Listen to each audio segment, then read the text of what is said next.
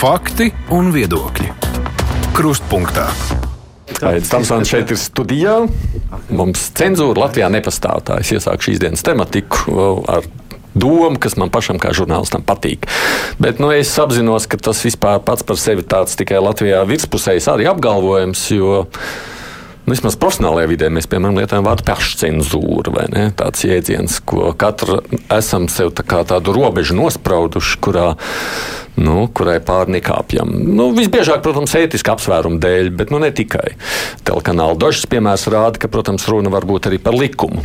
Problēmas rodas tad, kad tās mūsu izpratnes robežas atšķiras.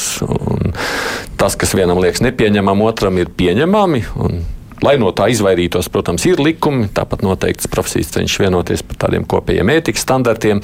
Bet, nu, jo plašāk uz visu skatāmies, jo grūtāk ir vienoties.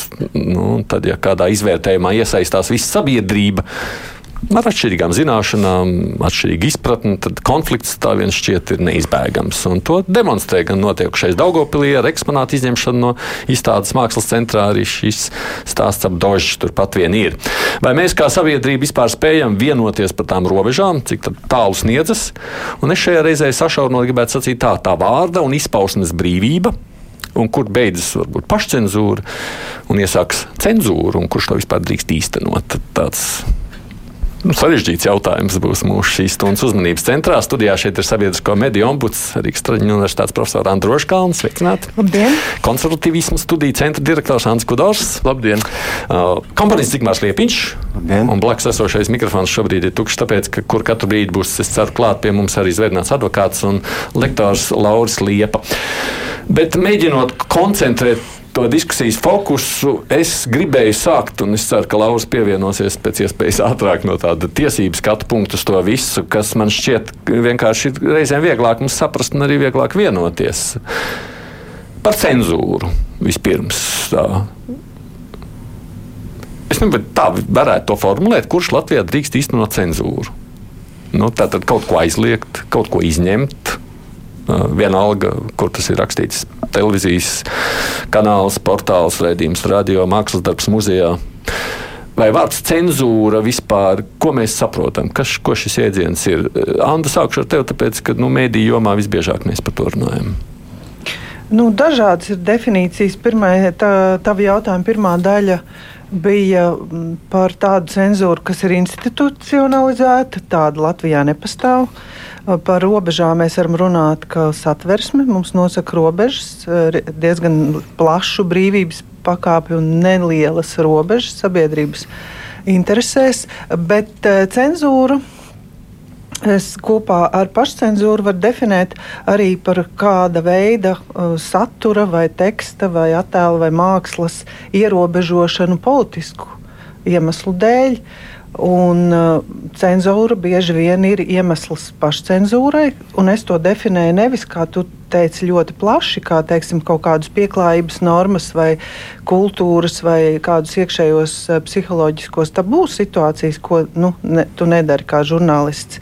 Bet uh, pašcensūra rodas tad, ja ir kaut kādi iekšēji vai ārēji apstākļi, spiediens, ka tev ir pienākums un tev ir informācija, un tavs darbs ir to sniegt bet tu to nedari, jo tev ir nu, teiksim, tas aizliegts, vai tu baidies zaudēt kaut kādu uh, savu statusu, vai tas var nest tev zaudējumus. To nu, es redzu kā pašcensūru. Tā tāda negatīvā viedokļa uzreiz paskaties. Pašcensūrai tajā brīdī saka, es jau varētu to pateikt, bet kā tas lāga, nu, nu kaut kā pats nejūtos labi. Nu, nebūs jau forši. Nē, nē, nu, vai, es ne? nedomāju, um, ka cilvēku izlamāšana, nu, atteikšanās cilvēku um, bez pamata negatīvi kaut kā vērtēt vai apsaukāt, ka tā ir pašcensūra. Nu, Tas Labi, būtu pārāk plaši. Bet runājot par pašcensūru, vispirms pieminot šo jēdzienu, tas nozīmē, ka tu kaut ko tu nu, aizliedz. Ja? Tā tā varētu saukt. Nē, es neko neaizliedzu. Nē, nē vispār idejas, ka, nu, ka kād, ka kāds kaut ko aizliedz, ko varētu neaizliegt. Tā? Nu, kas ir, ka, man liekas, tajā brīdī, kad mēs lietojam vārdu cenzūra, nu, šajā brīdī ap Daugopili ļoti daudz šis vārds tika lietots, vārds cenzūra. Jā, protams, tāpēc, Jā, tā ka vardarbīgā veidā politiskās varas pārstāvji deformē izstādes saturu. Jā, tas bija klasisks uh, gadījums. Lauris ir pievienojies. Tas ir labi. Es mēģinu noskaidrot jēdzienu, ko mēs saprotam ar jēdzienu cenzūru. Jā, tas jurists nu, paskaidro. juridiski tātad šo jēdzienu varētu skaidrot, ja mēs skatāmies uz vienu no pamatprincipiem, kāda ir mūsdienu sabiedrībā. Ir, tas ir tiesības uz vārda brīvību. Tātad, ja kāds tāds vārda brīvības ierobežojums, kas ir nesaprātīgs un kur tam nav pamatā, argumenti, kas sabiedrībā ir nozīmīgāki par šo ļoti svarīgo vērtību tiesībām uz vārdu brīvību. Tā argumenti vienmēr ir vai otrai nu, pusē. Absolūti, protams, bet ņemsim divus piemērus. Piemēram, ja kāds tagad mēģinātu Rīgas centrā uzbūvēt Hitlera pieminekli un eh, sākt aģitēt par to, Protams, tas ir viens no tiem gadījumiem, kuros mēs sacītu, nē, nu, tas nu gan nav pieņemams. Un visticamāk, iedarbotos tas, ko arī Daugopils gadījumā mēs redzējām, pašcensūra, kur cilvēks pats saprastu, ka tik tālu jau nu vairs nevajadzēja iet. Kur pretim gadījumiem, kuros, piemēram, mēs diskutētu par visu varu nodarīto postu Latvijai, un tā skaitā sāktu diskutēt par jautājumiem, kas ir nepatīkami Latvijas sabiedrībā, kurus mēs esam zināmā mērā paši izvēlējušies par tabū, Tur iespējams, uh, lai kā arī kādam tas nebūtu patīkami, šī cenzūras prasība nedarbojas. Nē, es te pajautāju, pieņemsim to pašu Daugopilu kā vienu no ilustrācijām pēdējā Jā. laikā. Tur bija cenzūra vai nebija? Uh, nu, jāsaka, tā, redzot tikai tos materiālus, kas ir bijuši publiski, proti, ka pilsētas domas pārstāvji, kur arī to nenoliedz, ir vērsušies uh, Uh, struktūrā, kas ir pakļauta pilsētas domai, tātad pilsētas izstāžu zālē, izstāžu centrā Marka Rotko centrs, un aicinājuši trīs eksponātus izņemt no mm -hmm. kopējās izstādes, tātad tā kopējā, uh, kopējās izstādes loka. Es teiktu, ka tas ir cenzūras krāšņs piemērs, jo kāds izmanto savu ekonomisko vāru. Varbūt ne gluži juridisku vāru, jo tā tomēr ir kultūras iestāde, bet ekonomiski neapšaubām. Tātad izmantojot tādas sviras, ar kurām var ietekmēt cilvēku vai kādu juridisku personu, lai tā klusētu. Šādu cenzūras piemēru ir ļoti daudz pasaulē. Mākslas cenzūra varbūt nav tik vienkārša, un es arī neuzmestos par ekspertu šajā jautājumā, Jā. jo tas skar ārkārtīgi sarežģīto tēmu, kas ir saistīta ar radošo pasauli, radošiem cilvēkiem. To, cik tālu arī radošajos meklējumos tu drīkst vai nedrīkst kādu aizskart, ielausties kādā privātuma vai kādās citās teritorijās. Mums ir tūkstošiem piemēru, tīpaši modernās mākslas jomā. Ja? Tā kā šai gadījumā te nu tiešām tas būtu ļoti interesants analīzes piemērs, un es vispirms pirms klausītos, pirmkārt, ko saka pats mākslinieks, no, nu otrkārt, ko saka citi nu mākslinieki, kas ir atzīti. Tāpēc eksperti. es teicu, es gribu sākt no tā juridiskā, ja tiesība aspekta skatoties, saki, ja tā tad tev ir vara, un tu saki, Jā. ka kaut ko tādu tu vari ietekmēt, tad tas tā ir cenzūra. Un tavi argumenti nav kopējās sabiedrības interešu aizstāvībai, bet, piemēram, no, aizstāvot kādu. Tas ir strīdīgs jau jautājums. Jā, tas ir sarežģītais jautājums. jautājums. Uh, Andi, Tu man liekas, es, es, es nesakoju visam sociālajiem tīklos, bet tu man liekas, par šo es izteicies, ka tā nav cenzūra savukārt. Uh, sākšu ar to, ka jā, mums ir 100. pants satversmē par to, ka cenzūra ir aizliegta. Mums ir 116. pants satversmē, kas saka, ka 100. pants vēl rinda citu pantu noteiktās situācijās nedarbojas. Viņi, viņi var tikt ignorēti. Uh, tur es nenosaukšu visus, bet viens bija nacionālā drošība, un vēl cits bija likumība. Un tā mūsdienu sabiedrība uh, liberālajā flangā ir tik tālu aizgājusi, ka par tik, vārdu likumību tas ir par to jāsmējas, jāierēdz. Un, uh, tas izraisa kaut kādu jautrību, un cilvēks, kas par to runā, tie tiek saukti par atpakaļ rāpojošiem un par tumsoņām. Uh, Mēs konservatīvie nereiz vien esam šādas lietas uh, dzirdējuši. Ja mēs sākam runāt par savu uh, kristīgo konservatīvismu, tad mūs apsaukā par svētuļiem. Nu, nu, tāda ir dzīve, ko darīs. Ja? Viedokļi ir atšķirīgi. Uh, tās diskusijas parasti ir agresīvas, emocionālas. Vēl ir viena Jā. lieta, tātad drīkst īstenot cenzūru Latvijas republikā atbilstoši satversmei. Es piekrītu tam, ko Anta teica, ja ir grūti. Es, piemēram, nezinu to mehānismu, kā viņš precīzi būtu jāīsteno. Par to var runāt, bet pats fakts, ka likumības aizstāvēšana, ja runā par Daugaupili, tur ir vēl, tur ir vēl sakot, ja drīkst, jā, vai sakot, jā. Vai, ja ir kaut kāda iemesla, kurā brīdī cenzūra ir iespējama. Jā, tā, tas, tas ir, ir ierakstīts, jā? tas jau ir ne tikai mans, tas ir satversmes tēvu vēstījums, jā, tas ir mūsu konstitucionāla norma. Zigmār. Es laikam nevaru ne juridiski, ne arī kaut kā. Nu, kā mākslinieks, jo tev visu laiku jādomā par cenzūru. Jā, es, bijis es, dzīvē. Man ne? ir bijis pietiekoši daudz, jā. Bet, uh, man ir uh, kaut kā sajūta, ka man faktiski gribās šajā sarunā redzēt vienu citu aspektu. Un uh, to vienu aspektu, ko, ko šeit uh, mēs laikam šādā kontekstā pat ne, nepieminam. Ir, es gribētu uzdot pirmo jautājumu māksliniekam, ja viņš te sēdētu, vai viņš ir kristietis vai viņš nav kristietis. Kas no tā? Kas no tā? Mm -hmm. No tā nākošais radās tas, ka viņš ir apgalvojis šeit, ka viņa mērķis nav bijis šokēt cilvēkus, bet taču, taču viņš apzinājās, ka daudziem nozīmē krusts kā simbols. Mm -hmm. Līdz ar to jā, mans jautājums tāds, ja viņš ir kristietis, tad kāda tad ir šī attieksme viņam pret simbolu no iekšējā paša cilvēka viedokļa?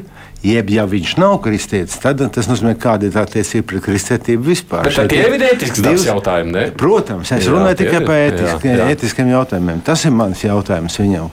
Būtu, ja viņš te sēdētu. Ja? Un, un līdz ar to.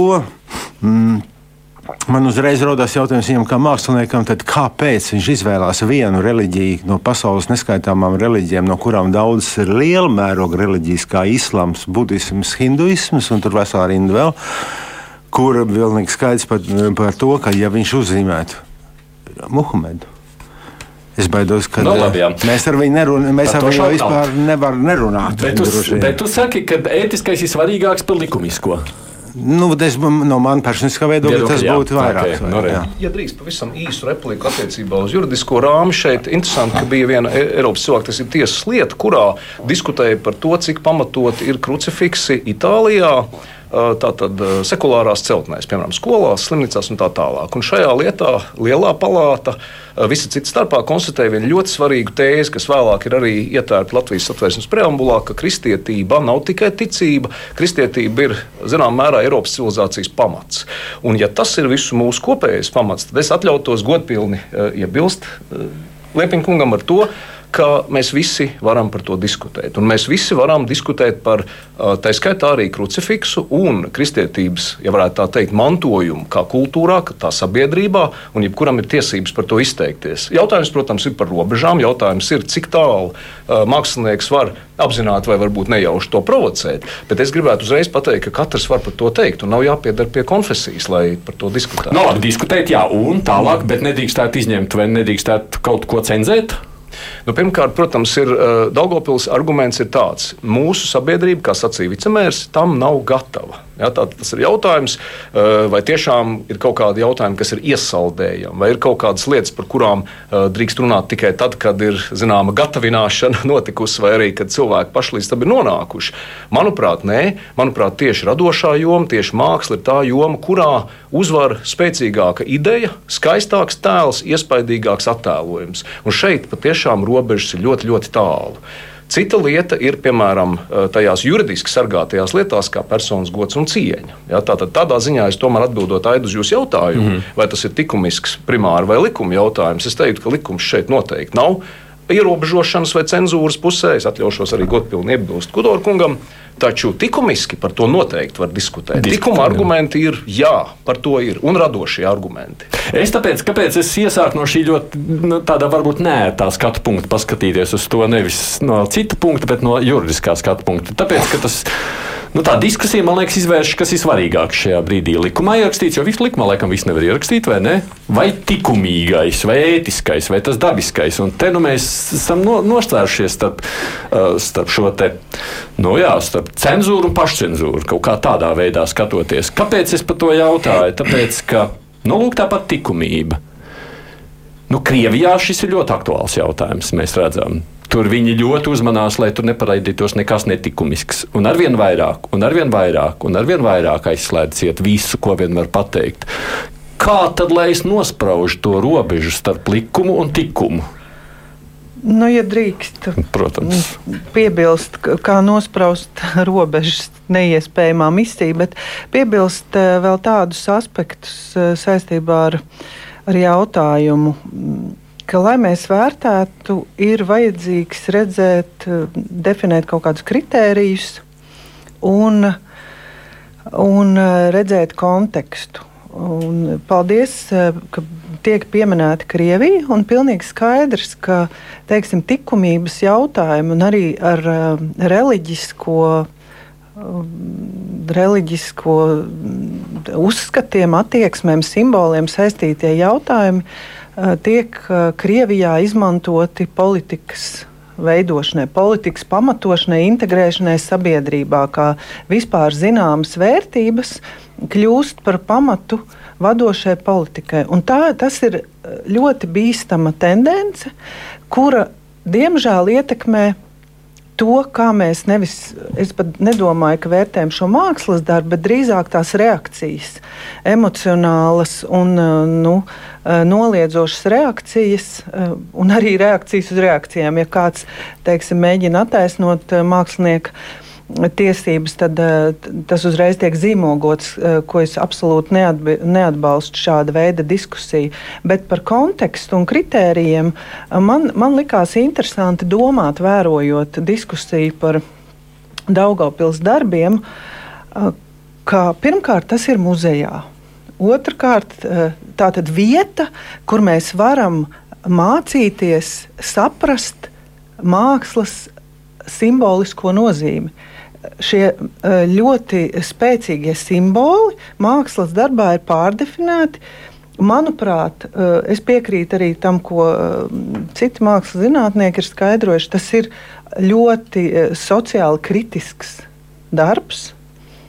Un, un muzejs, kurā ir gan skaidrojums, gan brīdinājums, ir vide, kur par to ir var mācīties runāt. Un šeit es redzu īstenībā mūsu diskusijas problēmu, jo mēs esam iekrituši atkal tajā pašā eh, milzīgajā strīdus. Um, tādā tā kā dubļu peļķē ar sejām, kas mums bija par Brektes morāli.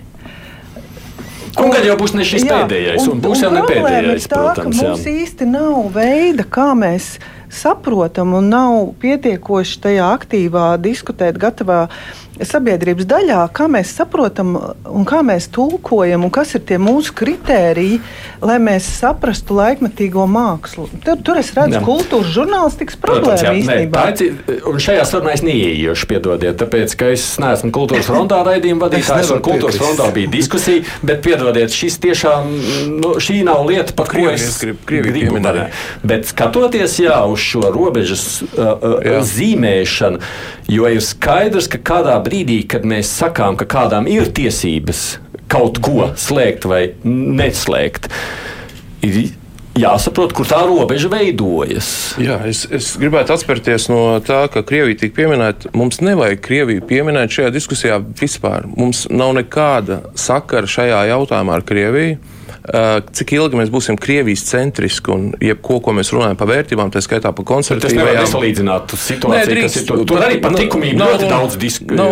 Nav runa par to. Jā, protams, iztēlosimies situāciju bērnu slepkava, kurš ir paziņojis, ka nepārtrauks savu uh, noziegumu, turpinās slepkot. Viņš sarīko preses konferenci, paņem pedagoģijas grāmatu un lasa preses konferencē pareizas lietas par bērnu audzināšanu.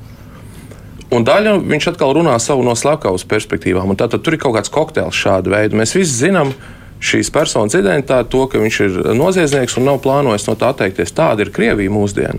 Kad viņi runā kaut ko par likumību, par, par vērtībām, tā skaitā arī par kristīgām vērtībām, es viņos neklausos. Izņemot dažas atsevišķas personas, es nezinu, piemēram, tur, uh, kristīgo, to paristīcīgo diakonu Kurāju, kurš, kurš ir pret, kurš ir opozīcijā Maskavas patriarchātam. Uh, Tur ir vienu, vieni vienīgi Jā, dubultie vai, standarti. Labi, viņi nav kritērijas, kur pirms gadiem 15, vai pirms Jā. gadiem 15, nekas tāds Krievijā nebija. Tas ir tāds process, kas notiek pakāpeniski, nemanāmi. Kurā brīdī tu saki, nu šeit ir tā robežiņa, te tālāk robežiņa atceries, pusi ir aiet sākumā, tur pārdījās baznīcā. Un, Jā, protams, ne, ne? Putins, Putins izvēlējās iestāties pēkšņi. Viņš neaizstāvēja šīs vērtības arī pats sākumā. Paklausieties, ko viņš runā 99. gadā, 2000. Viņš vispār par to neiestājas necik nu, nulle. No, Viņa personiskā dzīve, ja es vispār drīkstu to vērtēt, arī neko neliecina. Viņu elites dzīve, kas ir šie vērtību aizstāvētāji, īstenībā ir hedonisti, zapadņiki. Viņi nesako šīm vērtībām. Mums viņi nav kritērijas Eiropiešiem par koncertiem vērtībām, par mūsu robežām, ko mēs atļausimies, ko nē. Mums jārunā pašiem. Nā, redzi, kas nozīmē to sakīt, jā, nu, mēs neiesim kā viņa ceļu, mēs iesim savu ceļu, bet kurš ir tas mūsu ceļš? Vat, tur jau ir tas jautājums. Zigmār, es, joprojām, skatoties... es joprojām tomēr, eh, piekrītai domai, cenzēt nevajag. Nevajag. Ne, nevajag, cenzēt ne, nevajag. Cenzēt nevajadzēja, bet bija kuratoriem pirmkārt jāmēģina aprēķināt nākotnes soļi šahā, divus vismaz gājienus uz priekšu. Pēc tam aprunāties, kādā veidā viņi tai publikai, kas tur būs. Ja tas būtu izstādīts Rīgā, visticamāk, tas skandāls būtu daudzkārt mazāks. Vai vispār nebūtu? Vai arī viņš nebūtu. Jo, ja vēl Rīgā būtu laikmatīgās mākslas muzejs, kurš noteikti nekad manas dzīves laikā, un tavs arī droši vien nebūs. Jā, jā. Tad, un arī tavs nebūs. Mēs lielākoties no tā nekā nesaprotam, tāpēc arī mūldam. Nē, bet es esmu apmeklējis pietiekoši daudz laikmatīgās mākslas pasaulē. Es tiešām fallus, tā kā mums pēdējā laikā ir tas fallu kults izvērties gan ar ar uh, porcelāna lustrām, kas visi šausmīgi aplaudē lielam priekam. Jā, es, gribētu, es gribētu zināt, kurš viņu savā mājā gribētu pakabināt un lasīt, teiksim, Šekspīru viņa gaismā, jā, vai kaut ko tam līdzīgu. Nu, lūdzu, man nu, tāda. Tad šis falliskais tēls uz krusta, ja es atvainojos, tad jau atkal ir pārkāpts cits vērtības. Es piedodiet man, tagad es būšu rupšs šajā brīdī. Ne, varbūt, kad pīpē, jums ir kur pīkstēt, nu, kur ātrumā. Nav, es atvainojos, nav, kāpēc nav, viena pak, sievietes eh, dzimuma orgāns nav izlikts uz krusta? Kāds, kas tas tāds par vīriešu kārtas apvainojumu ir? Ja? Kāpēc tieši baltais, kāpēc tas pauti nav melni, piemēram? Ja? Labi, es, es atkal saku, neiešu, pagaid, neiešu, neiešu mākslā iekšā atgriežos pie savukārt pie paša jautājuma. Tā, tu saki, tā cenzūru, nē, bet pašcenzūru, jā. Nu tā. jā, nu, bet, nu, te, te, to krustu var apcūkot no visām pusēm. Nav kādu problēmu. Tur var dibenus pielīmēt klāt, ja grib. Mm. Vienu sabiedrības grupu būs priecīgi pielīmēsim melno, viena cita sabiedrības grupa tiesīgi. Ļoti daudz priecāsies par šo, jo, ka jā, baznīca ir nodarījusi daudz grēkus, katoļi, bijuši pedofīļi un tā tālāk. Un tā tālāk jā. Beigās šis mākslinieks saka, un tie ir vīrieši, kur to uh, izdarīja šo sūdzību nocenzēt. Es varu nocirtēt, ja tas ir vajadzīgs. Tas ir viņa paša teiktais teksts.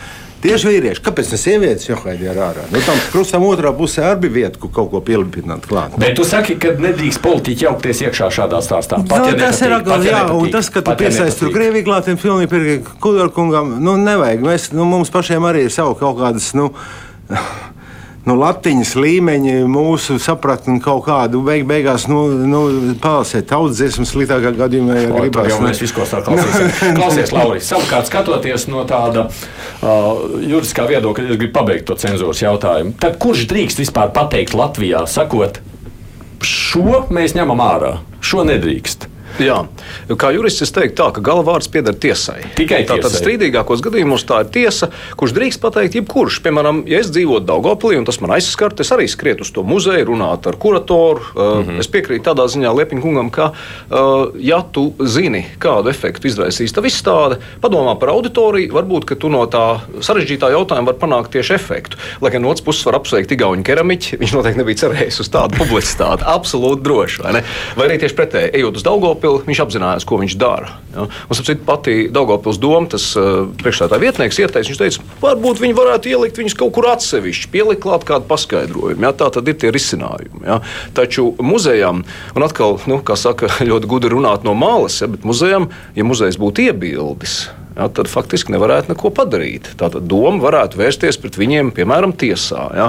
Ir taisnība Kudoru kungam, ka ir izņēmumi, un tas, ko mēs saucam par cenzūru, tam ir negatīva konotācija, bet kopumā vārda brīvība ierobežota ir. Ja, Tātad ierobežojumi pastāv, un jebkura persona, kura jūt ka uz to šie ierobežojumi subjektīvi attiecās. Var vērsties un teikt, noņemiet, tas mani aizskar. Un tiesa tad to lemtu. Bet mums nav ne cenzūras ministrijas, ne arī teiksim, kaut kāda cenzūras uh, departaments domē pilsētas. Ja, tā tad faktiski cenzūra atklātā, at, at, nevis atklātā, bet modernā demokrātiskā sabiedrībā kā tāda principā nepastāv. Un galvenokārt tas tiešām ir tādā pašcensūras līmenim līdz brīdim, kurā tas tieši aizskar kāda tiesības, kurš var vērsties, citu arī reliģiska organizācija var vērsties tiesā un teikt, teikt. Viņi nepiekrita izņemt, mēs lūdzām, viņi neklausījās, lūdzu, pagaidu noregulējums. Mm -hmm atrisināsim aizskārumu jautājumu, bet pagaidām nerāda. Bet tas nozīmē, ka arī muzejs drīkstēja pateikt domai, Nē, absolūti. Ne? Nu, protams, kā jebkurš cilvēks. Tā, tā, tā, tā, nav cenzūra. Jā, tā, tā nav cenzūra. Uh, godīgi sakot, mākslinieks pēc to trīs darbu izņemšanas no izstādes varētu pateikt, šitā nebija izstādes koncepcijas, visu vācu nost un pārceļu, nezinu, nu, piemēram, uz uh, Tartu ja? vai kaut kā tā. Tur jau arī ir muzejs. jā, skatoties kaut kādiem uz medijiem savukārt. Nu, man ļoti līdzīga situācija droši vien varētu mazliet kāds paralēls meklēt arī ar daži, bet kaut vai šajā brīdī, pieņemsim, es kaut ko daru nu, priekšniecība nevar man patiešām pavēlēt, bet man var sacīt, tā nedara. Un tas jautājums, vai es darīšu vai nedarīšu, tā ir mana izvēle, vai ne beig beigās, vai es ļaujos pakļauties kādam priekšniecības sacītēm vai nē. Nav jau tā, ka pašvaldība nedrīkstētu iebilst un sacīt, pateikt muzejam, viņi gribētu, ka tu izņem. Mēģinājums jau tāpat darbojas. Tas ir kaut kāds iemesls, kas nav vienkārši patīk, nepatīk tas būtu kaut kāds nozīmīgs iemesls, ko tev ierobežot, vai ko tu atteiktos no ierobežojuma. Nu, Protams, ja pieņemsim, manā gadījumā kāds noņemt raidījumu, tāpēc ka tur nav pamatot iemeslu. Tad... Jā, tieši tā. Tieši tā. Nu, jā, man liekas, ka, ka mēs nevaram jā, nu, tādu visu lietu mākslas lietas ir divas dažādas pasaules. Protams. Tur nekādīgi. Mākslā tomēr, no, teiksim, galerijas, tomēr, nu, šis nav galerijas gadījums, bet galerijas izvēlās darbus ko viņi tad eksponē un attiecīgi viņus pārdod, nepārdod. Vai, nu, tur ir tomēr kaut kāda atlases principa. Nu, vai tās ir cenzūras? Tas ir vienkārši. Nu, es tev atnesu veselu strīpu darbus, es saku, šo es ņemu, un šos trīs es neņēmu.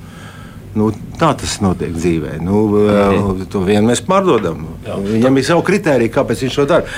Es nezinu, kā darbojas Rotko muzejs, un man nav nekāda, vai, vai šī tā bija uzskatāms par galeriju. Ticamāk, ka nē, vai viņa bija mērķis kaut ko pārdot, nezinu. Bet, ja, bija izglī, ja tas bija mērķis izglītot Daugopils maz izglītotos katoļus, teiksim, ja, tad visticamāk, nu, nu, labi, nu, nu, tā ir veiksmīgi, neveiksmīgi, bet tāds varbūt viņi to gribēja, ko gribēja sacīt. Jā, tikai ātri piezīme, ka faktiski šeit ir vairāk spēlētāji. Tur ir gan mākslinieks, gan arī galerija, un ja galerija pati izņem, tad tā jau ir šī pašcensūra, ja, par kuru mēs varam pukoties. No. Privātas galerijas gadījumā mēs varam vienkārši teikt, nu, slikts lēmums. Bet publisks gadījumā mēs varētu visiem prasīt, kas ir tie argumenti. Jūs esat sabiedrības labā, jums ir jāstrādā ne tikai Daugopilī, bet nu, visai Latvijai. Faktiski mēs beigās padarījām to galeriju, galeriju muzeju par grēkāžiem. Nu, Nē, par malacīšiem ļoti labi, ka viņi to noņēma. Es teiktu, ka labi viņi izdarīja. bet, bet, bet kāds tas labums tad? Kāds labums ir, vai tad mums nav pants par ticīgo jūtu aizskārumu? Eh, tur, nu, labi, varēja aiziet līdz tiesas procesam, un visdrīzāk viņi tad arī noņemt nost. Iespējams, es, protams, to nezinu. Es nevaru spriest. Kas tā būs mana prognoze? Tikumība, kas tad vēl ir nosaucts? Ticīgo jūtas. Ticīgo jūtas, divas, tik, divas tabū tēmas. Vispār. Oi, oi, oi. Mēs esam dziļā bedrē. Kāpēc jūs varbūt esat teicāt, ka ir neskaitāms reliģijas? Mēs neko nevarēsim ne par vienu. Tad ne, jūs teicāt, ka daudz. Es atvainojos. Bet iedomājieties, tabū, ticīgo jūtas atvainojos. Tad mums parādīsies klasiskais vai slavenais pastafāriešu gadījums, kur puisis uzvelk eh, makaronu sietiņu un saka, man ir jauna reliģija, un jūs man, es atvainojos, iepūtiet. Ja? Pierādiet, ka es neticu manam pasta dievam. Ja? Protams, tas, tas ir izsmieklis, tā arī tas ir sarkasms, eh, mūsdienu sarkasms, bet, nu, ja tās ir ticīgo jūtas, nu, tad visu cieņu staigā ar savu makaronu sietiņu. Es atvainojos, tas ir pārāk plašs ierobežojums. Kā vēlaties, eh, te ir arī, es tomēr par gaumu arī runāju, ja arhibīskaps Vaneks norādīja, ka tā ir tāda nu, ļoti zems. Uh, gaumas demonstrējums. Un viens Twitterī viens kungs ierakstīja tādu asprātīgu. Viņš teica, viņš bērnībā kaut ko tādu bija uzzīmējis uz sienas, uz žoga. Un tad dabūja trūkties no skolas direktors vai kaut kas līdzīgs bija. Un tagad izrādās, ka viņš bija pieder, viņš uzrakst par sevi ar ironiju, ar humoru. Izrādījās, ka viņš pieder šauram, superintelektuālam mākslinieku lokam, kas tā falu uzzīmēšanā saskata milzīgu mākslu. Tur vēl uz, tur, turklāt vēl uz krusta. Uh, Drusiņi par normu rašanās, par filozofiju, kā arī politikas teoriju to skar. Ja? Norma ir tas, ko mēs visi izlemjam, kas ir norma. Un varētu runāt par dabiskām tiesībām, tur būs kaut kāds pamatīgāks uh, pamatojums, un tad ir tā otra līnija, ir konstruktīvisms, kur arī, bet vienalga abos gadījumos būs tā uzvarēs tas, ko mēs šorīt sakam, šī ir norma.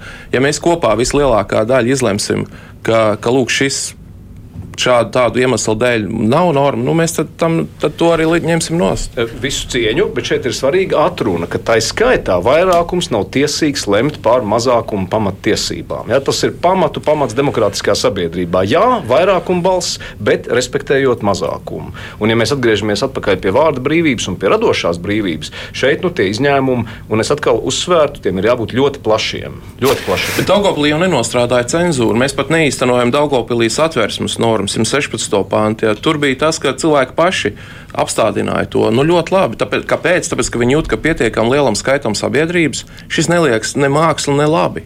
Neskaisti. Skaistums arī, nu, es te bišķiņ riskēju, te ir mākslas pārstāvi, bet uh, gladiatori, kad cīnījās, ja, viņiem bija jānogalina skaisti. Viņiem vien, viens no kritērijiem bija, ka viņi nogalināja skaisti. Ja, no, cīņā. Pajautāt, nu, no vienas puses, tas ir tā, vai ne ir dziesmas, vai ja kāda veida mūzika, vai kas, kas pašam patīk un kas šķiet, nu, galīgi negaumīgi, vai ne? Nē, tā, tā, tā, nav tā, tā, nē, nav tā, nav tā, nē, tā nav. nav tā. Ir, ir tā, ka māksla arī, teiksim, muzikā tomēr ir tā, tā, tā dalījums ir vairāk komerciāla rakstura eksperimentāla rakstura un uh, izaicinoša modernisma. Un tās rakstura un tās lietas, kuras netikumiskās dziesmas, tā, kuras ne, mēs tādās bez viņiem mēs pieskaitīsim. Nu, klāt, nu, tas tā būs, ne, par to kategoriju mēs nerunāsim, bet, bet arī muzikā tie, ir tieši tāpatās, ir, ir vesela rinda mūziķu, kas nodarbojas ar elektronisko jaunās, jaunradas meklējumiem, bet redz, mākslā, kā tādā mākslā kā muzika, tu nevari aizvainot nevienu likumību.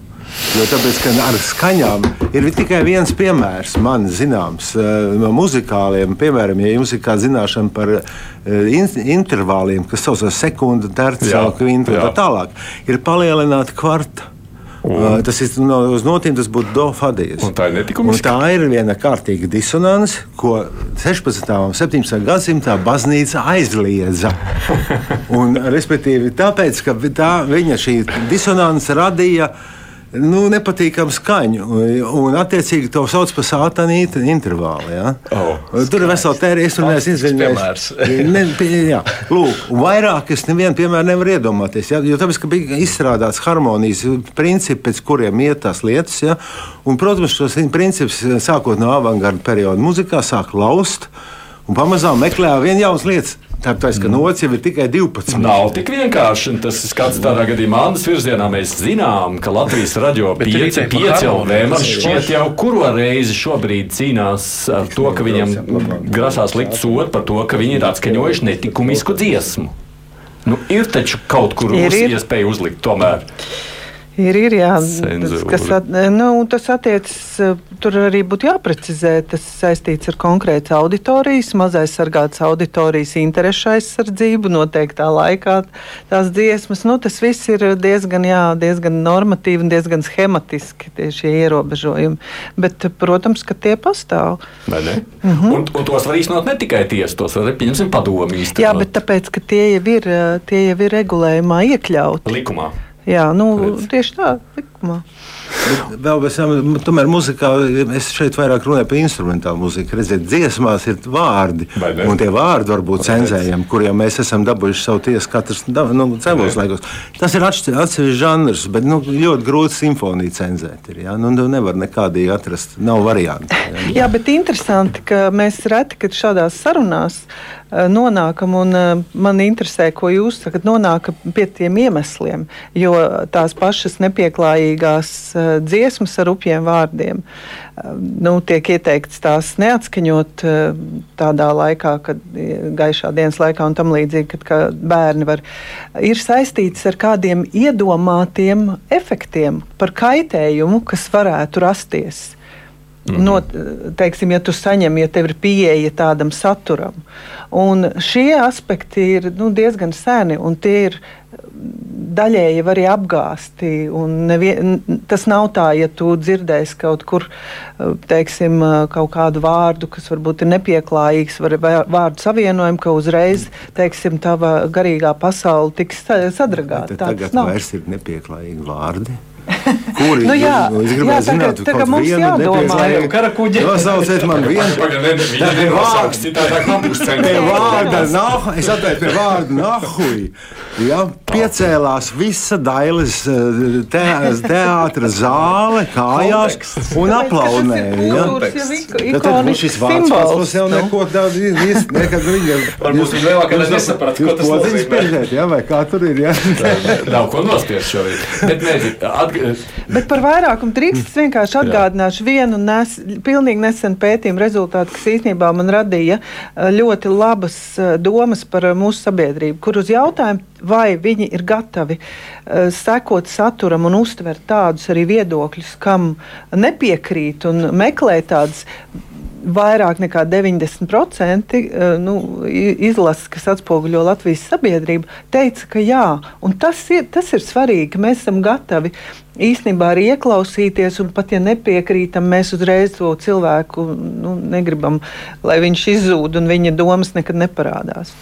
Es kāpēc mazliet tādu pieķēros pie šīs sacītā, tāpēc, ka ja mēs runājam par medijiem un dziesmu atskaņošanu, uh, tu saki, ka tas ir jautājums par likumu. Nu, zināmā mērā tas ir jautājums par likumu. Tāpēc es mazliet vēl pavēršoties uz to otru ļoti aktuālo tematu šodien, kas ir TV dožģis kur arī ir faktiski nu, vārda brīvības jautājums. Ja? Tas vārds naša raša, vai naša, raša, naša armija, mūsu armija. ja? tas, tas ir jautājums jau par likumu. Jo es tieši tāpēc, ka Lauris bija iesaistīts arī, es saprotu, jā, pareizi saprotu, tu esi tur kaut kādā brīdī bijis iesaistīts nepilpu ekspertīzē? Uh, nē, šajā lietā es, tātad pēdējā lieta, kas ir ar licences atņemšanu saistīta, es nepārstāvu nevienu no pusēm. Jā. Uh, es, nu, pirmkārt, nepilpu senas, tā teikt, saknes. Pirmajam nepilpu vadītājam, Skuiņam, es biju juridiskais padomnieks. Uh -huh. un, Es toreiz atceros ar kādu nu, pietāti, bet reizē arī ar kādu, nu, var, var sacīt tā, ar kādu uzmanību. Uh, toreizējais priekšsēdētājs, uh, rakstnieks Skuiņš, attiecās pret to mēdīju saturu. Viņš domāja par klausītāju, un viņš lielā mērā bija nu, tāds kultūras cilvēks, kurš, kura galvenā doma bija tāda, ka nu, tev ir jārespektē vienlaikus tā tad jāaudzina tas skatītājs, bet reizē arī jārespektē, ka viņam vajag labu, kvalitatīvu un dažādu saturu. Toreiz mēs, starp citu, cīnījāmies arī ar diviem, nu, var teikt, vai Krievijas izcelsmes uh, uh, video pirātiem, kas vienkārši video pirātismu laid uh, ēterā.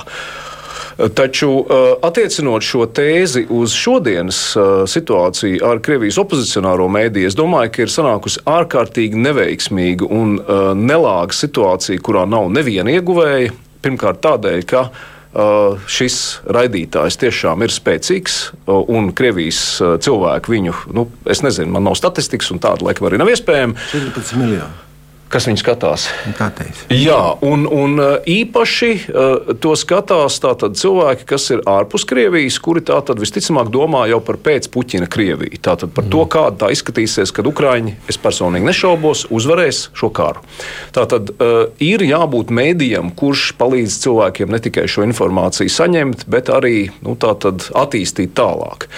Uh, Licence Latvijas apraidēji. Tas ir sarežģīts jautājums. Vai tiešām tā bija nepieciešama? Es neņemos par to spriest, bet tas ir ļoti svarīgi, ka licence Latvijas apraidēji uzliek virkni ierobežojumus, ļoti nopietnas prasības, tā skaitā saturs latviešu valodā, dublēšana, tā skaitā arī vietējie, nu, kas ir Eiropas raidījuma ierobežojumi. Likumiskas prasības. Un tās ir likumā noteikts, un tās ir jāievēro. Un, ja gribētu kādu izņēmumu, tad tam izņēmumam būtu jābūt īpaši noteiktam. Ja? Tā tad skaidrs, ka arī padomas rokas bija sasaistītas. Ja? Ja, tā tad es domāju, ka šeit visi mēs gribam redzēt citu Krieviju, jo viņi ir mūsu kaimiņš, un mēs gribam redzēt tādu, kas ir demokrātiski, no kā nevienam kaimiņam nav jābaidās, un ar kuru mums nav jābūt gataviem uh, veltīt uh, aizvien vairāk un vairāk savu budžeta, lai cīnītos potenciāli ar viņiem, kā tas notiek tagad un notiks. Un tā tad mēs gribam maksimāli palīdzēt Krievijas demokrātijai, bet tā problēma ir tāda, ka šajā gadījumā nu, uh, Man liekas, ka tā bija ļoti, ļoti neveiksmīga situācija. Ja? Un, uh, grūti pateikt, vai tur būtu labāks kāds risinājums. Es arī neesmu lasījis to lēmumu, ar kuru šis ierobežojums ir noteikts. Es varu teikt, ka strādājot mediju jomā, uh, juridiski es redzu, ka padome ļoti labi argumentē savus lēmumus. Ja? Tad es pieļauju, ka tas ir izsvērts un uh, nu, rūpīgi gatavots lēmums, bet man liekas, tas, kur mēs soli iepakaļ palikām, mēs neizdomājam īpašu šādu nišu tiem daudzajiem uh, Krievijas oponentiem, kuri ir gatavi strādāt un kuriem sākotnēji Latvija bija parādījusi, šeit jūs varat strādāt. Ja? Mm -hmm. Man liekas, tomēr maz piebildu. Es šodien varbūt nejauši kaut kā no rīta ziņa redzēju, ka Lietuvā arī tas pats ir noticis. Tieši šodien. Lietuvas aprāja tiek noņemta. No, nu, tāpēc, jā. ka Latvija laikam ir, viņiem ir Eiropas aprāja caur Latviju, lai tā es varētu saprast. Jā, jā. tas lēmums attiecas uz, uz, uz Eiropas, Eiropas Savienību. Savienību. To Lietuvu nevar atstāt viņa arī savā tīklā beigās. Bet vienkārši kāpēc es to jautāju? Kas nozīmē, ka arī likums nu, uz ko mēs varam balstīt kaut kādu cenzūru. Arī tas var būt tāds, ka reizēm mm, nu, mēs paši izstrādājam ļoti striktus nosacījumus, un paši kādā brīdī kā, nu, kā neesam apmierināti ar to, kā tas sanāk. Vai esam? Nu, mēs redzam, ka kaut viedokļi dažādi. Es no brīvā mikrofona secināju, ka lielākā daļa klausītāju nu, sūdzējās par to, ka uh, došs ir slēgts kad viņš ir slēgts. Jā, jā, jā. Tā, kā, nu, tā situācija arī raisa tikpat lielas diskusijas. Arī domāju, likums ir diskusijas. Ir cilvēki, kuri to nožēlo, jo, protams, nu, jautājums ir atkal par to, vai šīs atsevišķās kļūdas summāri veidoja pamatotus iemeslus, lai slēgtu. Ja? Un visticamāk, šis lēmums būs vēl analizēts. Es pieļauju, ka uh, radītājs svērsīsies tiesā un tas tiks vērtēts. Bet tas svarīgākais jautājums ir, nu, kas ir svarīgāk? Vai atļaut tātad, šīm opozīcijas balsīm darboties un, un dot viņiem māju vietu, vai arī tātad, sekot līdzi un ar zīmoli tātad, iet cauri katrai šādai kļūdai, nekļūdai. Ja?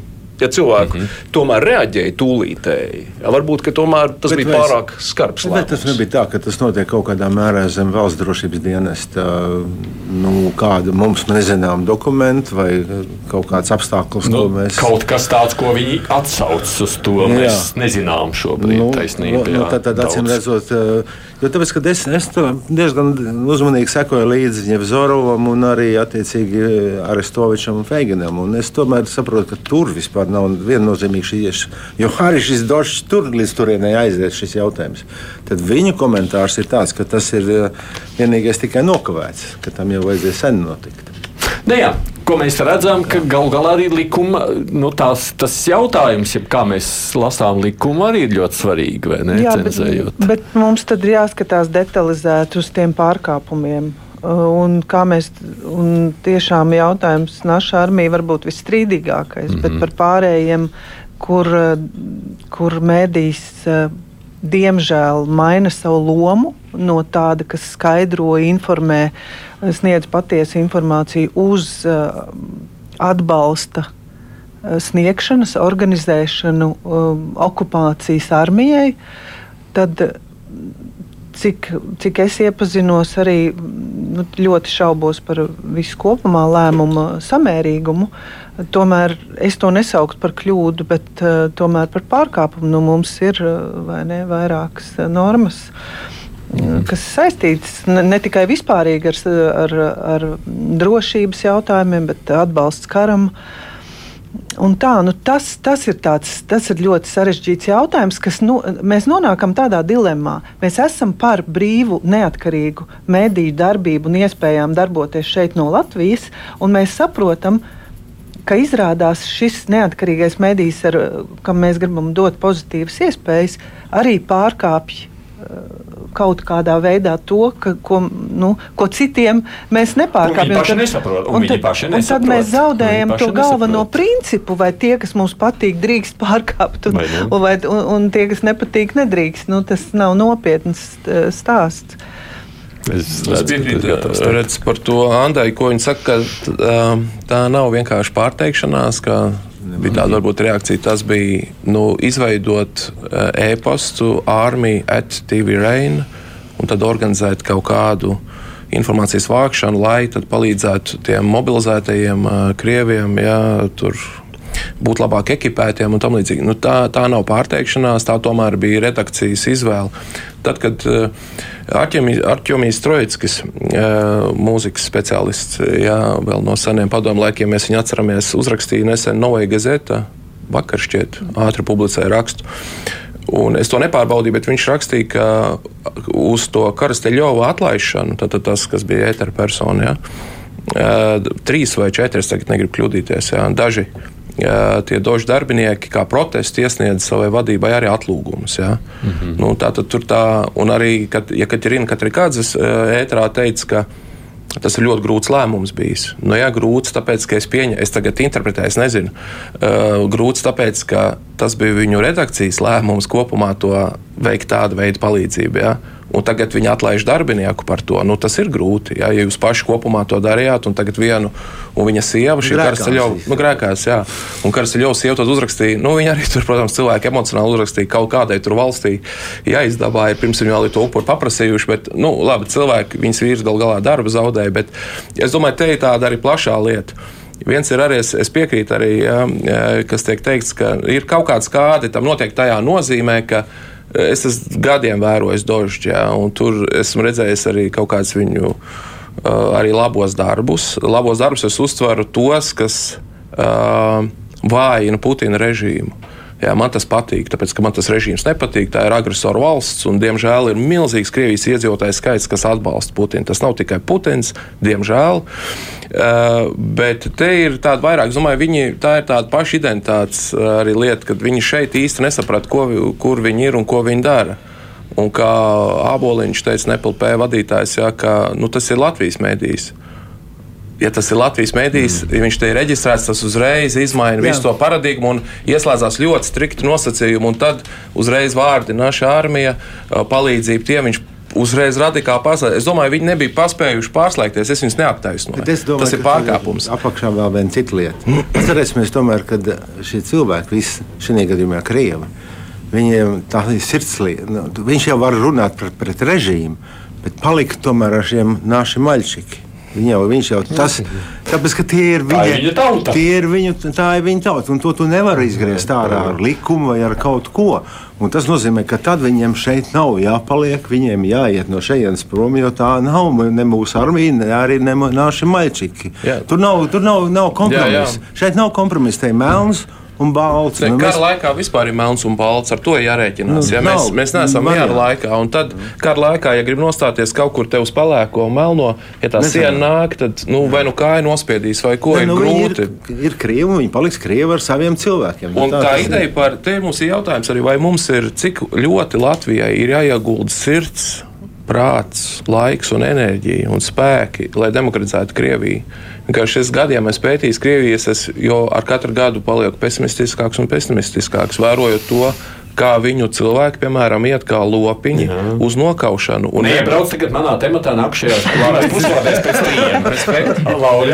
es, es gribēju tikai vienu svarīgu piezīmi pateikt. Šī ir ļoti, ļoti sarežģīta situācija. Man, protams, gribās atgriezties 1944. un 45. gadā Vācija, Wehrmachts. Ja? Jūs no vāciešiem arī nekādu nevarētu izsist tajā laikā un arī pēc kara, ja? kur viņi atteiktos no savas armijas, jo tie arī ir viņu cilvēki, viņu radinieki. Laiku. Tas prasīja laiku jautājums, vai mēs tagad uzbūvējam sienu un sakām, mēs ar jums nerunāsim, kamēr jūs būsiet Ukrajinā, vai mēs jau tagad sākam lēnām drupināt, lēnām graut to režīmu. Cik? Es esmu optimists pēc dabas, un es piekrītu, manas zināšanas par Krieviju ļoti fragmentāras, un es tur neesmu bijis daudzus, daudzus gadus. Un cilvēki, kas šeit atbrauc, viņi ir citādāk, protams, nekā tie, kas tur dzīvo. Bet man liekas, ka bet mums tomēr tas mēs, ir jādara. Cik mēs zinām šodien par vāciešiem? Man ir liels šaubas, ka tas viss viena lieta ir redzamā daļa, un otra lieta ir stipri neredzamā. Kāds atbalstīt Hitleru un to kampaņu? Man ļoti patīk jūsu saruna, protams, bet kā jūs redzat, es šoreiz tā ļoti plūstoši paņēmu divas tādas atšķirīgas tēmatus, un jūs arī tam ļāvāties, un paldies jums par to, bet visā šajā te kopējā, ko es tomēr savilkot beigās gribu salikt kopā, tas, kas, tas, ko gan viens, gan otrs, un baidos, ko arī trešais un nākšais, nākšais stāsts nesīs šajā kara laikā, mēs kļūstam kategoriskāki. Nu, mēs kļūstam, jā, kā tu saki, tikai balts un melns, bet arī mūsu sabiedrība kļūst ar vienu polarizēta. Nu, jā, mēs, mums ir grūti pieņemt šo dažādību tagad. Un kā lai mēs atrodam to ceļu, kurā brīdī mana pašcensūra vai mana taisnība jā, nekļūst par obligātu taisnību visiem pārējiem. Nu, kā lai mēs atrodam to? Laikam ne šajā mājā, ne šobrīd. Vienkārši ne, ne kara laikā, ne kara laikā. Jā, ir jābeidzās tam visam. Jā. Bet šobrīd ir tā, ka nu, mēs arī nu, mēs dalāmies.